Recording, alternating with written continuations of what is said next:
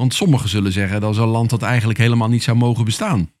Nee, dat is ook zo. En uh, het aantal mensen dat dat zegt is, voor zover je het kunt bekijken, groeiende, ook in Nederland.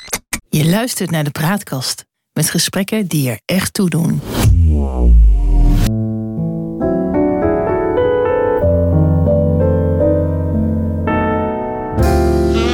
Welkom bij de Praatkast.nl. Dit is een aflevering van het Geheugenpaleis. Mijn naam is John Knierim en samen met Han van der Horst maken we deze podcast. De geschiedenis herhaalt zich nooit, maar rijmen doet hij vaak wel. En dat gegeven gebruiken we in het Geheugenpaleis om dieper in te gaan op de actualiteit. Zo gaan we aan de waan van de dag voorbij en bereiken we de kern van het nieuws. We scheppen orde in de maalstroom van berichten die het zicht op de grote lijn belemmeren. En tussen beide blijkt dat de werkelijkheid vaak genoeg elke fantasie te boven gaat.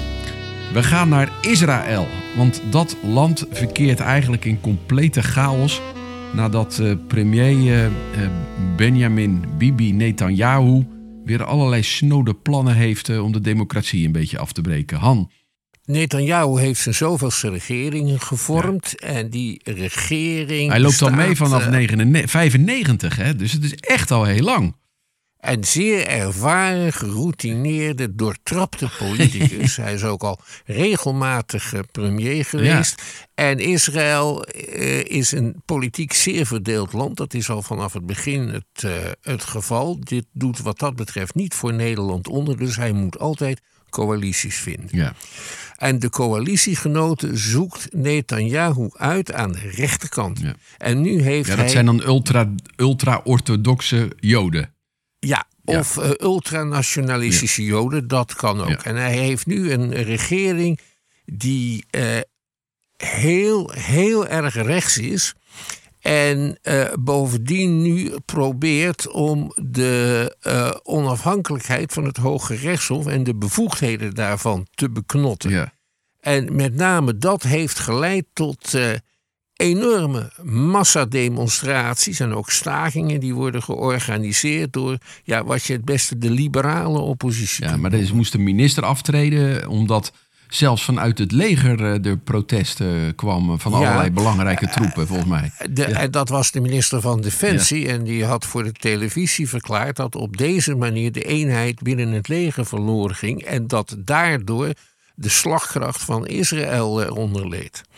En daarop is hij ontslagen. Ja, nou doet Netanyahu dat, althans dat, dat is de suggestie die gewekt wordt, omdat hij, uh, hij wordt achtervolgd door een aantal uh, corruptieschandalen en door de plannen die hij nu heeft, zou hij invloed kunnen uitoefenen op de rechtsgang ten aanzien van die corruptieschandalen waarvoor hij aangeklaagd is. Ja, want hij wil het liefst niet voor de rechter verschijnen. En dat zijn zeer uiteenlopende corruptieschandalen. Zo zou hij uh, de hoofdredacteur van Jediot Aronot hebben omgekocht. Dat is de telegraaf van, uh, van Israël. En hij zou uh, ook in ruil voor gunsten hebben verleend aan een ander mediaconcern in, in ruil voor politieke steun. Er is iets met de aanschaf van onderzeeërs in Duitsland. En er zijn ook andere schandalen die meer typisch uh, Israëlisch of typisch Joods zijn. Mhm. Zo zou uh, Netanyahu op staatsbezoek in Amerika uh, betrapt zijn op het eten van varkensvlees en garnalen. en dat is, dat is het tegendeel van kosher, mag ik wel zeggen. En dat wordt hem in orthodoxe kring Ja. erg Oh, ja. nagedragen. En ook is het zo dat hij ehm, ervan wordt verdacht om cadeaus die hij van andere staatshoofden ontvangt in het kader van officiële bezoeken, dat hij die voor zichzelf gehouden heeft. Mm. Nou ja, het is een, eh, een, een zeer geraffineerde, doortrapte eh, man. Maar elke keer eh, komt hij er toch weer eh, bovenop. Maar hij heeft nu wel de invoering van deze wetten uitgesteld, hè? Ja, en dat helpt niet. Want? De demonstraties en het, het, het verzet van de bevolking blijft ongeveer even groot. Maar je moet wel beseffen Mhm. dat bij de laatste verkiezingen de partijcoalitie die Netanyahu heeft eh, samengesteld, Ja. dat, die, ehm, dat die wel een kleine meerderheid heeft. Hè? Dus Netanyahu heeft een, uh, een duidelijke en grote aanhang. Ja, maar ik begrijp toch dat er binnen zijn, uh, zijn eigen fractie van, van de Likud, want daar is die van, uh, dat, dat daar binnen toch ook een beetje opstand dreigt uit te breken. nou, dat zou best kunnen. Het is een beetje Trumpachtig ook wat hij allemaal doet. En ik kan mij voorstellen dat leden van de Likud, dat is in oorsprong de, een conservatief-liberale partij, ja. nationalistische partij, uh, dat die denken dat, dat, ja, dat het erfgoed van de partij wordt verkwanseld en dat de partij daar uiteindelijk op zal worden afgerekend. Ja. Nou, we gaan zien de komende tijd hoe dat uh, gaat, gaat eindigen. Maar ik vond het wel interessant om eens even te kijken naar wat is nou de geschiedenis van, van Israël. Want sommigen zullen zeggen dat is een land dat eigenlijk helemaal niet zou mogen bestaan. Nee, dat is ook zo. En uh, het aantal mensen dat dat zegt is, voor zover je het kunt bekijken, groeiende, ook in Nederland. Ja. Ik schrijf wel eens stukjes over Israëlische zaken op uh, een website die heet joop.nl. En in het algemeen ga ik er in die stukjes van uit dat de staat Israël bestaansrecht heeft. Ja. En daar krijg ik dan heel felle, heel negatieve reacties op. Dat valt mij op van mensen die vinden dat dat niet het geval zou moeten zijn. Nee, die zeggen het is een apartheidstaat en het moet verdwijnen. Ja. Nou is het natuurlijk wel een beetje bijzonder hoe die staat uh, ontstaan is. Maar voordat we daar aan, uh, aan toekomen. Israël, we kennen het uit de Bijbel. We kennen het natuurlijk uh, als, als eigenlijk toevlucht, toevluchtsoord van, van de Joden, van de Zionisten. met name na de Tweede Wereldoorlog, toen die staat eigenlijk gevestigd is. Um, en dan hebben we het ook over Jeruzalem. Jeruzalem is een heilige stad. Maar dat ja. is een heilige stad voor zowel de Joden, de christenen als de moslims. Ja, dat is natuurlijk ja. vragen om problemen. Dat is ook vragen om problemen. Hetzelfde geldt voor het hele land Palestina. Ja. Dat is het beloofde land uit de Bijbel. Het is ook het heilige land. En juist omdat het. Uh, zo religieus geladen is, mm. is het zo moeilijk om een vrede te stichten. Ja. Hoe, laten we dan eens even teruggaan. Uh, uh, hoe komt het dan dat het voor die drie godsdiensten eigenlijk een heilige stad uh, is? nou, laten we beginnen met, met de Joden zelf. Koning David, ja. de grote, eigenlijk stichter van het, van het Joodse koninkrijk. Wanneer praten we? Die, dan hebben we het zo 1900 voor Christus. Ja. Dat is niet helemaal duidelijk. Maar die neemt dan de stad Sion in. Ja. En maakt er zijn hoofdstad van. En dan wordt het Jeruzalem. Ja. En daarna bouwt zijn zoon Salomon daar een tempel. De enige tempel die het Joodse volk kent. En waar ze met Pesach allemaal naartoe moeten. Uh, om daar uh, de enige God met offers te vereren. Die tempel is, uh, is verwoest, maar Jeruzalem is nog steeds, staat nog steeds centraal ja. in de, ja, zeg maar de Joodse religie. Volgend jaar in Jeruzalem is ook een soort Joodse heilwens. Ja. Dat is de Joden. Ja. Nou, Jezus is er gekruisigd en na drie dagen, al zeggen de christenen, uit de doden opgestaan. Ja. Dus het is ook de heilige stad van de christenen. Ja. Uh, dan. Uh, op een dag kwam de engel Gabriel bij, weer eens bij Mohammed op bezoek. Ja. De profeet. En die nam hem mee op een vliegend paard naar de Tafelberg in Jeruzalem. Dat is de plek waar ooit de Joodse tempel stond. Die tempel was vernietigd door de Romeinen. Uh, daar had Mohammed gesprekken met Jezus en met Mozes, collega-profeten. En daarna klom hij hoger de hemel in via ladders naar de zevende hemel. Onderweg kwam hij nog meer profeten tegen. Maar toch was het Mohammed die het dichtste bij Allah kwam. En Allah zei tegen hem: Je moet tegen de gelovigen, tegen de moslims zeggen: ze moeten dagelijks 50 keer tot mij bidden. Zo, dat is veel. Ja. Dat is veel. Mo Mohammed gaat terug en komt Mozes tegen. Ja. Op de terug. En Mozes zegt, wat heeft hij gezegd? Het, het, is net een soort mop die aan het vertellen, maar ja. Ja, dat is het ook net. Maar, ja, maar ik ga hem verder vertellen. En Mozes uh, zegt, ja, maar dat kan toch niet 50 keer bidden?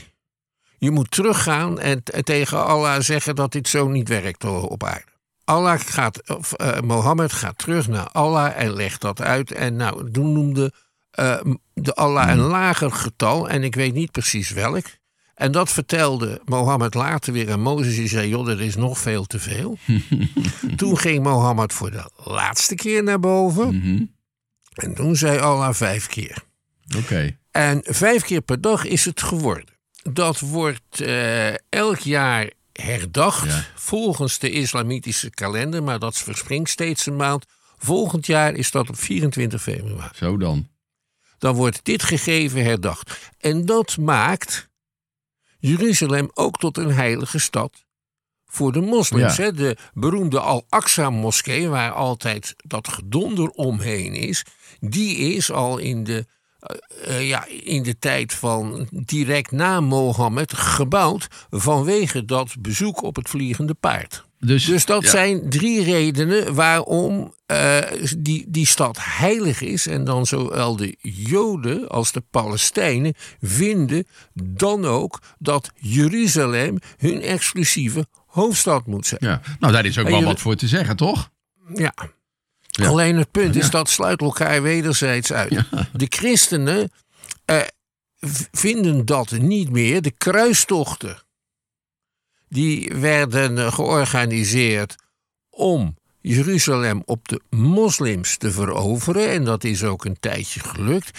En in de Midden-Oostenpolitiek zie je in de 19e, begin 20e eeuw dat grote Europese machten zich dan gaan opwerpen als beschermers van de christenen. Dat hebben de Russen gedaan, de Fransen, de Engelsen op een bepaalde manier ook. Ja. En dan moet je er verder weten dat de politieke machthebbers in Palestina vier eeuwen lang de Turken zijn geweest met hun Ottomaanse Rijk. Ja. En die zijn daar pas in 1917 in het kader van de Eerste Wereldoorlog uit verdreven. Dan, hebben dan is het 1917. En, en, en, Ja. en wat voor staat is het dan, dat Palestina? Eh, nou, dan is het eh, bezet gebied door, eh, door een Brits leger. Ja. En vlakbij hebben Fransen zijn die bezig in Syrië en in Libanon. Ja.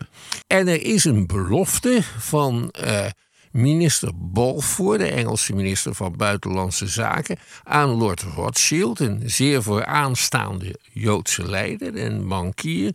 Eh, dat de Joden eh, ja, een nationaal tehuis mogen hebben in eh, Palestina. Maar dat de daar al woonachtige bevolking niet onder mag lijden. Dat is een vage verklaring. ja. Ja. De Engelsen hadden bovendien, bovendien aan de Arabieren beloofd dat zij een groot rijk kregen. Hmm. En met een van de zonen van de vorst van Mekka ja. als koning. Nou ja, Dus dat is een dubbele belofte. En dat is een beetje ja, eh, heel diffuus eh, gebeuren. Dan eh, hebben we uiteindelijk de Tweede Wereldoorlog, waar heel veel. Joden door de Duitsers de gaskamer ingestuurd worden. Dan na de Tweede Wereldoorlog, dan ontstaat er volgens mij een soort schuldgevoel van de hele wereld. En dan wordt gezegd: Israël of Joden, jullie krijgen een eigen staat. Eh, dan, nou, dat eisten de Joden al lang. Oh. Hè? Eh, We kennen allemaal de term Zionisme. Ja. Dat is in eh, vele oren klinkt dat als een scheldwoord. In 1897 heeft een Hongaars-Joodse journalist een, een pamflet geschreven dat heette Der Judenstaat, de Joodse staat. En, eh, daarin eh, suggereerde hij dat het beter voor de Joden zou zijn om te emigreren terug naar Palestina.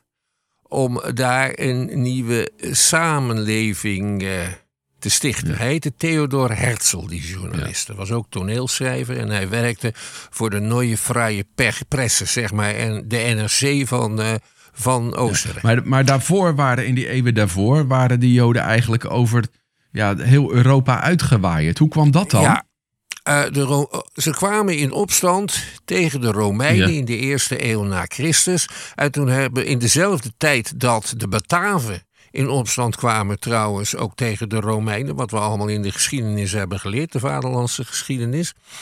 Ehm, de Joden verloren dat en ze vochten door tot de laatste man. Dus toen hebben de Romeinen de bevolking, de, overlevenden, over het hele Rijk verspreid en de tempel verwoest. En zo komen de Joden door heel Ja. Europa eigenlijk eh, Ja, terecht dan. ja, ja, en de Bataven die hebben een vergelijk gesloten met, eh, met de Romeinen. Dus die kwamen er veel beter beter, vanaf. Ja.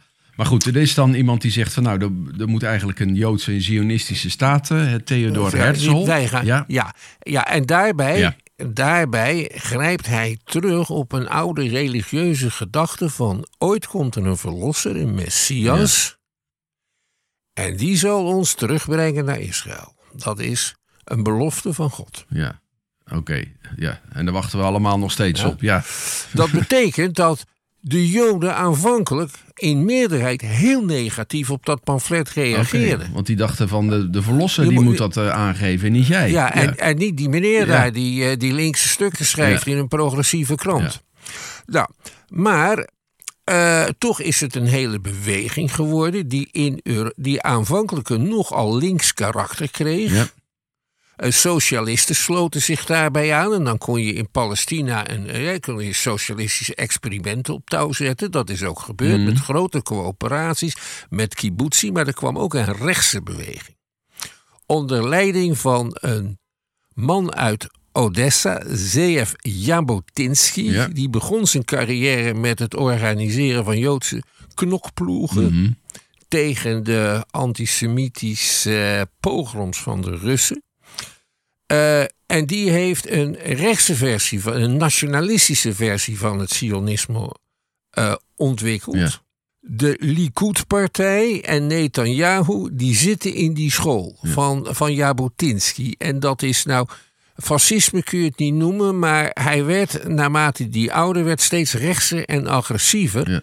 En exclusief nationalistische Palestijn, voor Arabieren geen plaats in Israël. Dat idee. Nou, nou goed, na de Tweede Wereldoorlog eh, wordt dan besloten dat eh, Israël een, eh, een eigen staat krijgt. Ja. En vanaf dat moment bestaat Israël. Maar ja, miljoenen mensen zijn daardoor ook op de vlucht geslagen en gedwongen te leven in een land waar ze eigenlijk Ja. niet thuis horen. Dan heb ik het over de Palestijnen. Wat, ja, wat gebeurde? Er was tussen de Palestijnen en de Zionisten, Ja. zeg maar, de nieuwkomers. Al vanaf 1918, 1919 was er een conflict dat heel vaak al gewapende vormen aannam. Ja. En de Engelsen die probeerden daar een beetje in te bemiddelen en, en de kerk in het midden te houden. Tot ze het na de Tweede Wereldoorlog eigenlijk hebben opgegeven. Ja. Ehm, de Verenigde Naties hebben toen besloten tot een verdeling van Palestina in een Palestijns en een Israëlisch gedeelte. Daar was de, was de hele Verenigde Naties, behalve de Arabische lidstaten voor, ook de Sovjet-Unie. Ja. Dat was eigenlijk een twee-staten-oplossing waar nu nog steeds over gesproken wordt. twee-staten-oplossing. Ja. En daarop verklaarden de Arabische staten in, na de onafhankelijkheid van Israël de oorlog aan Israël. En Israël won die oorlog. Dat was in 1948. Ja. En dat, dat, her, daar, eh, dat is de, de Nakba die de Palestijnen altijd weer herdenken. Zij zeggen namelijk dat ze massaal verdreven zijn in die oorlog. Ja. En het Maar dat is toch ook zo? Eh, ja, daar, dat is ook zo. Ja, die zijn, ze, zijn, ze hebben een oorlog verloren. Ja. Ja. Dat, eh, en dan word je wel eens verdreven. ja. Maar wat dat ik is dan... met miljoenen Duitsers ook gebeurd. Hè? Maar wat ik nou zo bijzonder vind, hè, dat, dat, dat, dat volk eh, eh, Israël, dat volk van Israël, die Joden, die zijn altijd zo lang onderdrukt geweest en opgejaagd geweest met pogroms ver- tot vernietigingskampen toe. En nou, dan krijgen ze een eigen staat en vervolgens vervallen ze dan in dezelfde fout, want dan worden vervolgens de, de Palestijnen ernstig onderdrukt. Zeker. Wat ik nu ga zeggen is niet bedoeld om begrip te vragen, maar om iets uit te leggen. Ja. Ja, anders valt de hele goede gemeente over ons heen natuurlijk. Ja. In het algemeen is de tactiek van Joodse leiders in de tijd van de diaspora altijd geweest. Goede contacten onderhouden met de heersende machten. Je aanpassen. Niet te veel opvallen. Dan red je het wel. Ja. En in de Tweede Wereldoorlog hebben de Joden over het algemeen een les geleerd. En dat is, als ze jou proberen aan te vallen, moet je niet gaan praten of je gaan aanpassen, maar twee keer zo hard terugslaan. ja. Want dat, he, dat heeft de collectieve ervaring zich geleerd. Ja. Ja. En, Ja? Nou, en dit is het resultaat. ja.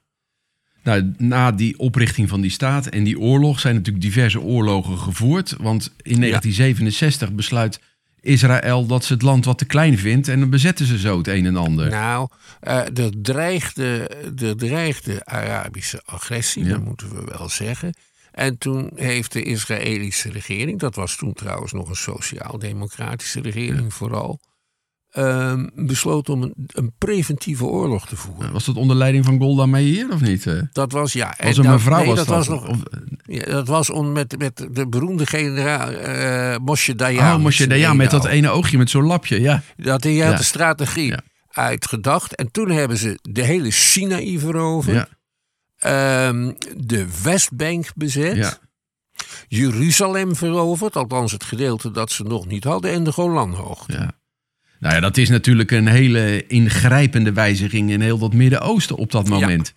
En nou ja, dan probeerde in 1973 ik probeer tempo er even in te houden. eh, Ja, dan wordt nee, er een oorlog gevoerd tegen Israël om dat dan weer een soort van ongedaan te maken. Maar die oorlog wordt in ieder geval niet verloren door Israël. En vanaf dat moment is het eigenlijk alleen maar ellende daar. De Palestijnen tegen de Israëliërs, de Israëliërs weer tegen de Palestijnen. We hebben intifada's gehad. Palestijnen die op een verschrikkelijke manier onderdrukt wordt en eigenlijk de zee ingedreven. De Palestijnen die zelf ruzie hebben gekregen. Hè, dus, dus, dus eigenlijk in, in, in, in een soort twee staten uiteenvallen. Dan hebben we in 1993, eh, eh, wordt er nog geprobeerd eh, ja, die mensen weer wat bij elkaar te brengen. Om een Palestijnse staat te stichten. Maar tot op de dag van vandaag is het allemaal niks geworden. Sterker, onder aanleiding van die rechtse regeringen van eh, Netanyahu en, en andere rechtse eh, mensen... worden er allerlei nederzettingen in dat bezette gebied eh, gebouwd. Vertel daar eens wat over. In de rechtse ideologie van het Sionisme zit een beetje het herstel van het rijk van koning David. En die Westbank, hè, dat stuk waar de Palestijnen wonen, wordt, het, wordt in die kringen ook aangeduid als onderdeel van, eh, als onderdeel van het oude Israël. Daarom vinden ze dat ze recht hebben om er die nederzettingen te stichten. Ja. Dus wat je hebt is dat beide volkeren, zowel de Palestijnen als de Israëliën, die hebben hun eigen uitleg van de godsdienst en de geschiedenis tegelijk. Ja. Beide uitleggingen zijn geschiedvervalsing. En dan sluit het, en dat, en dat maakt een verdeling van het gebied onmogelijk. Ja.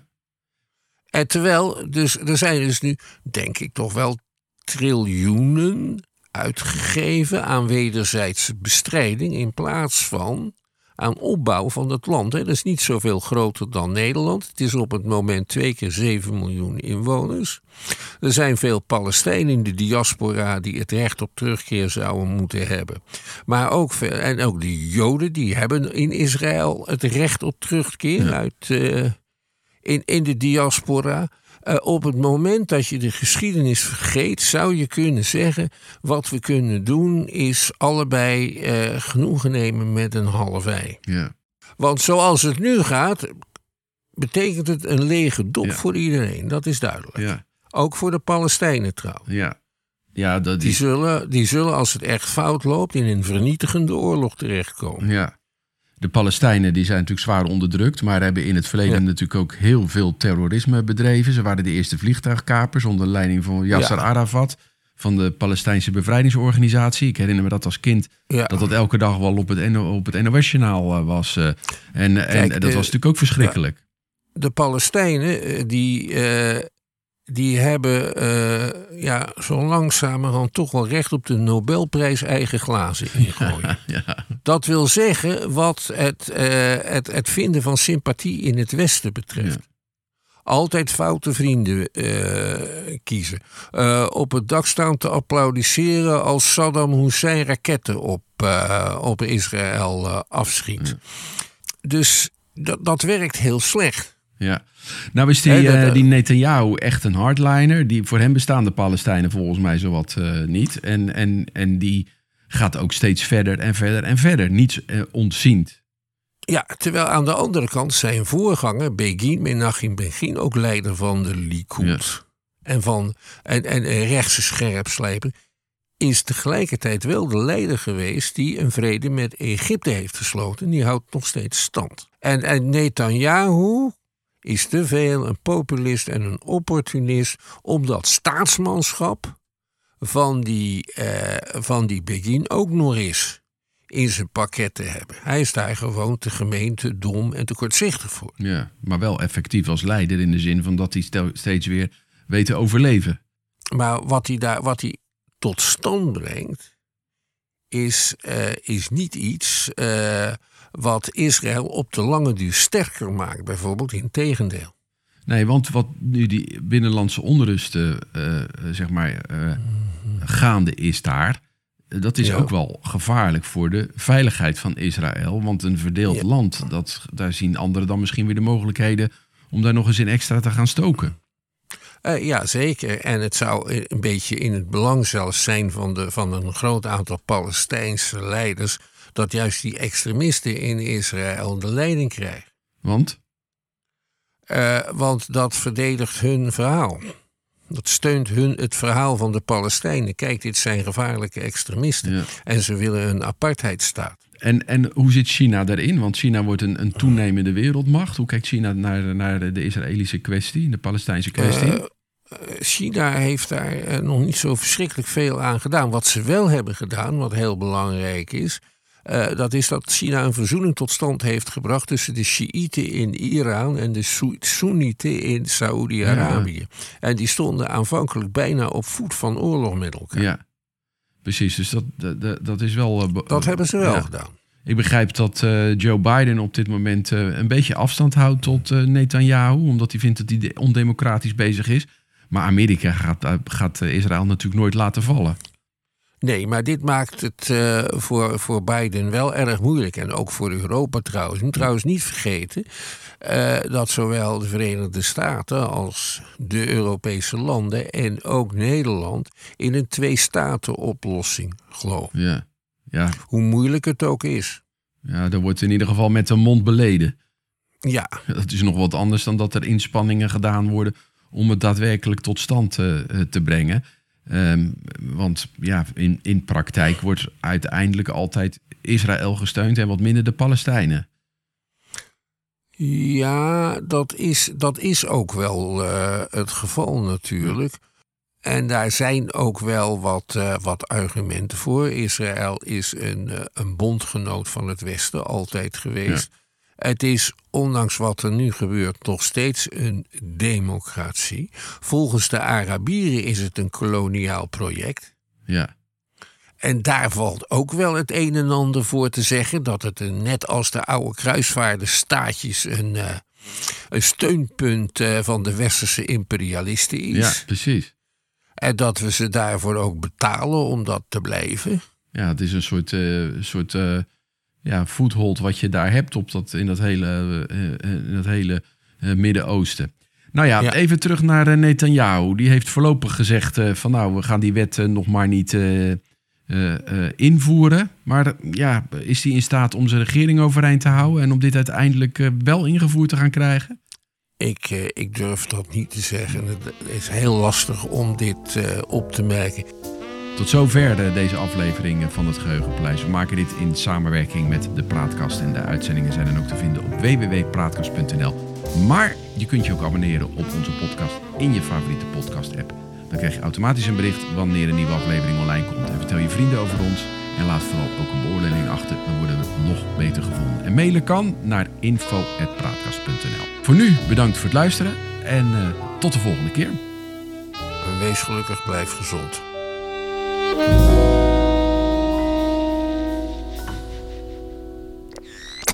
De praatkast.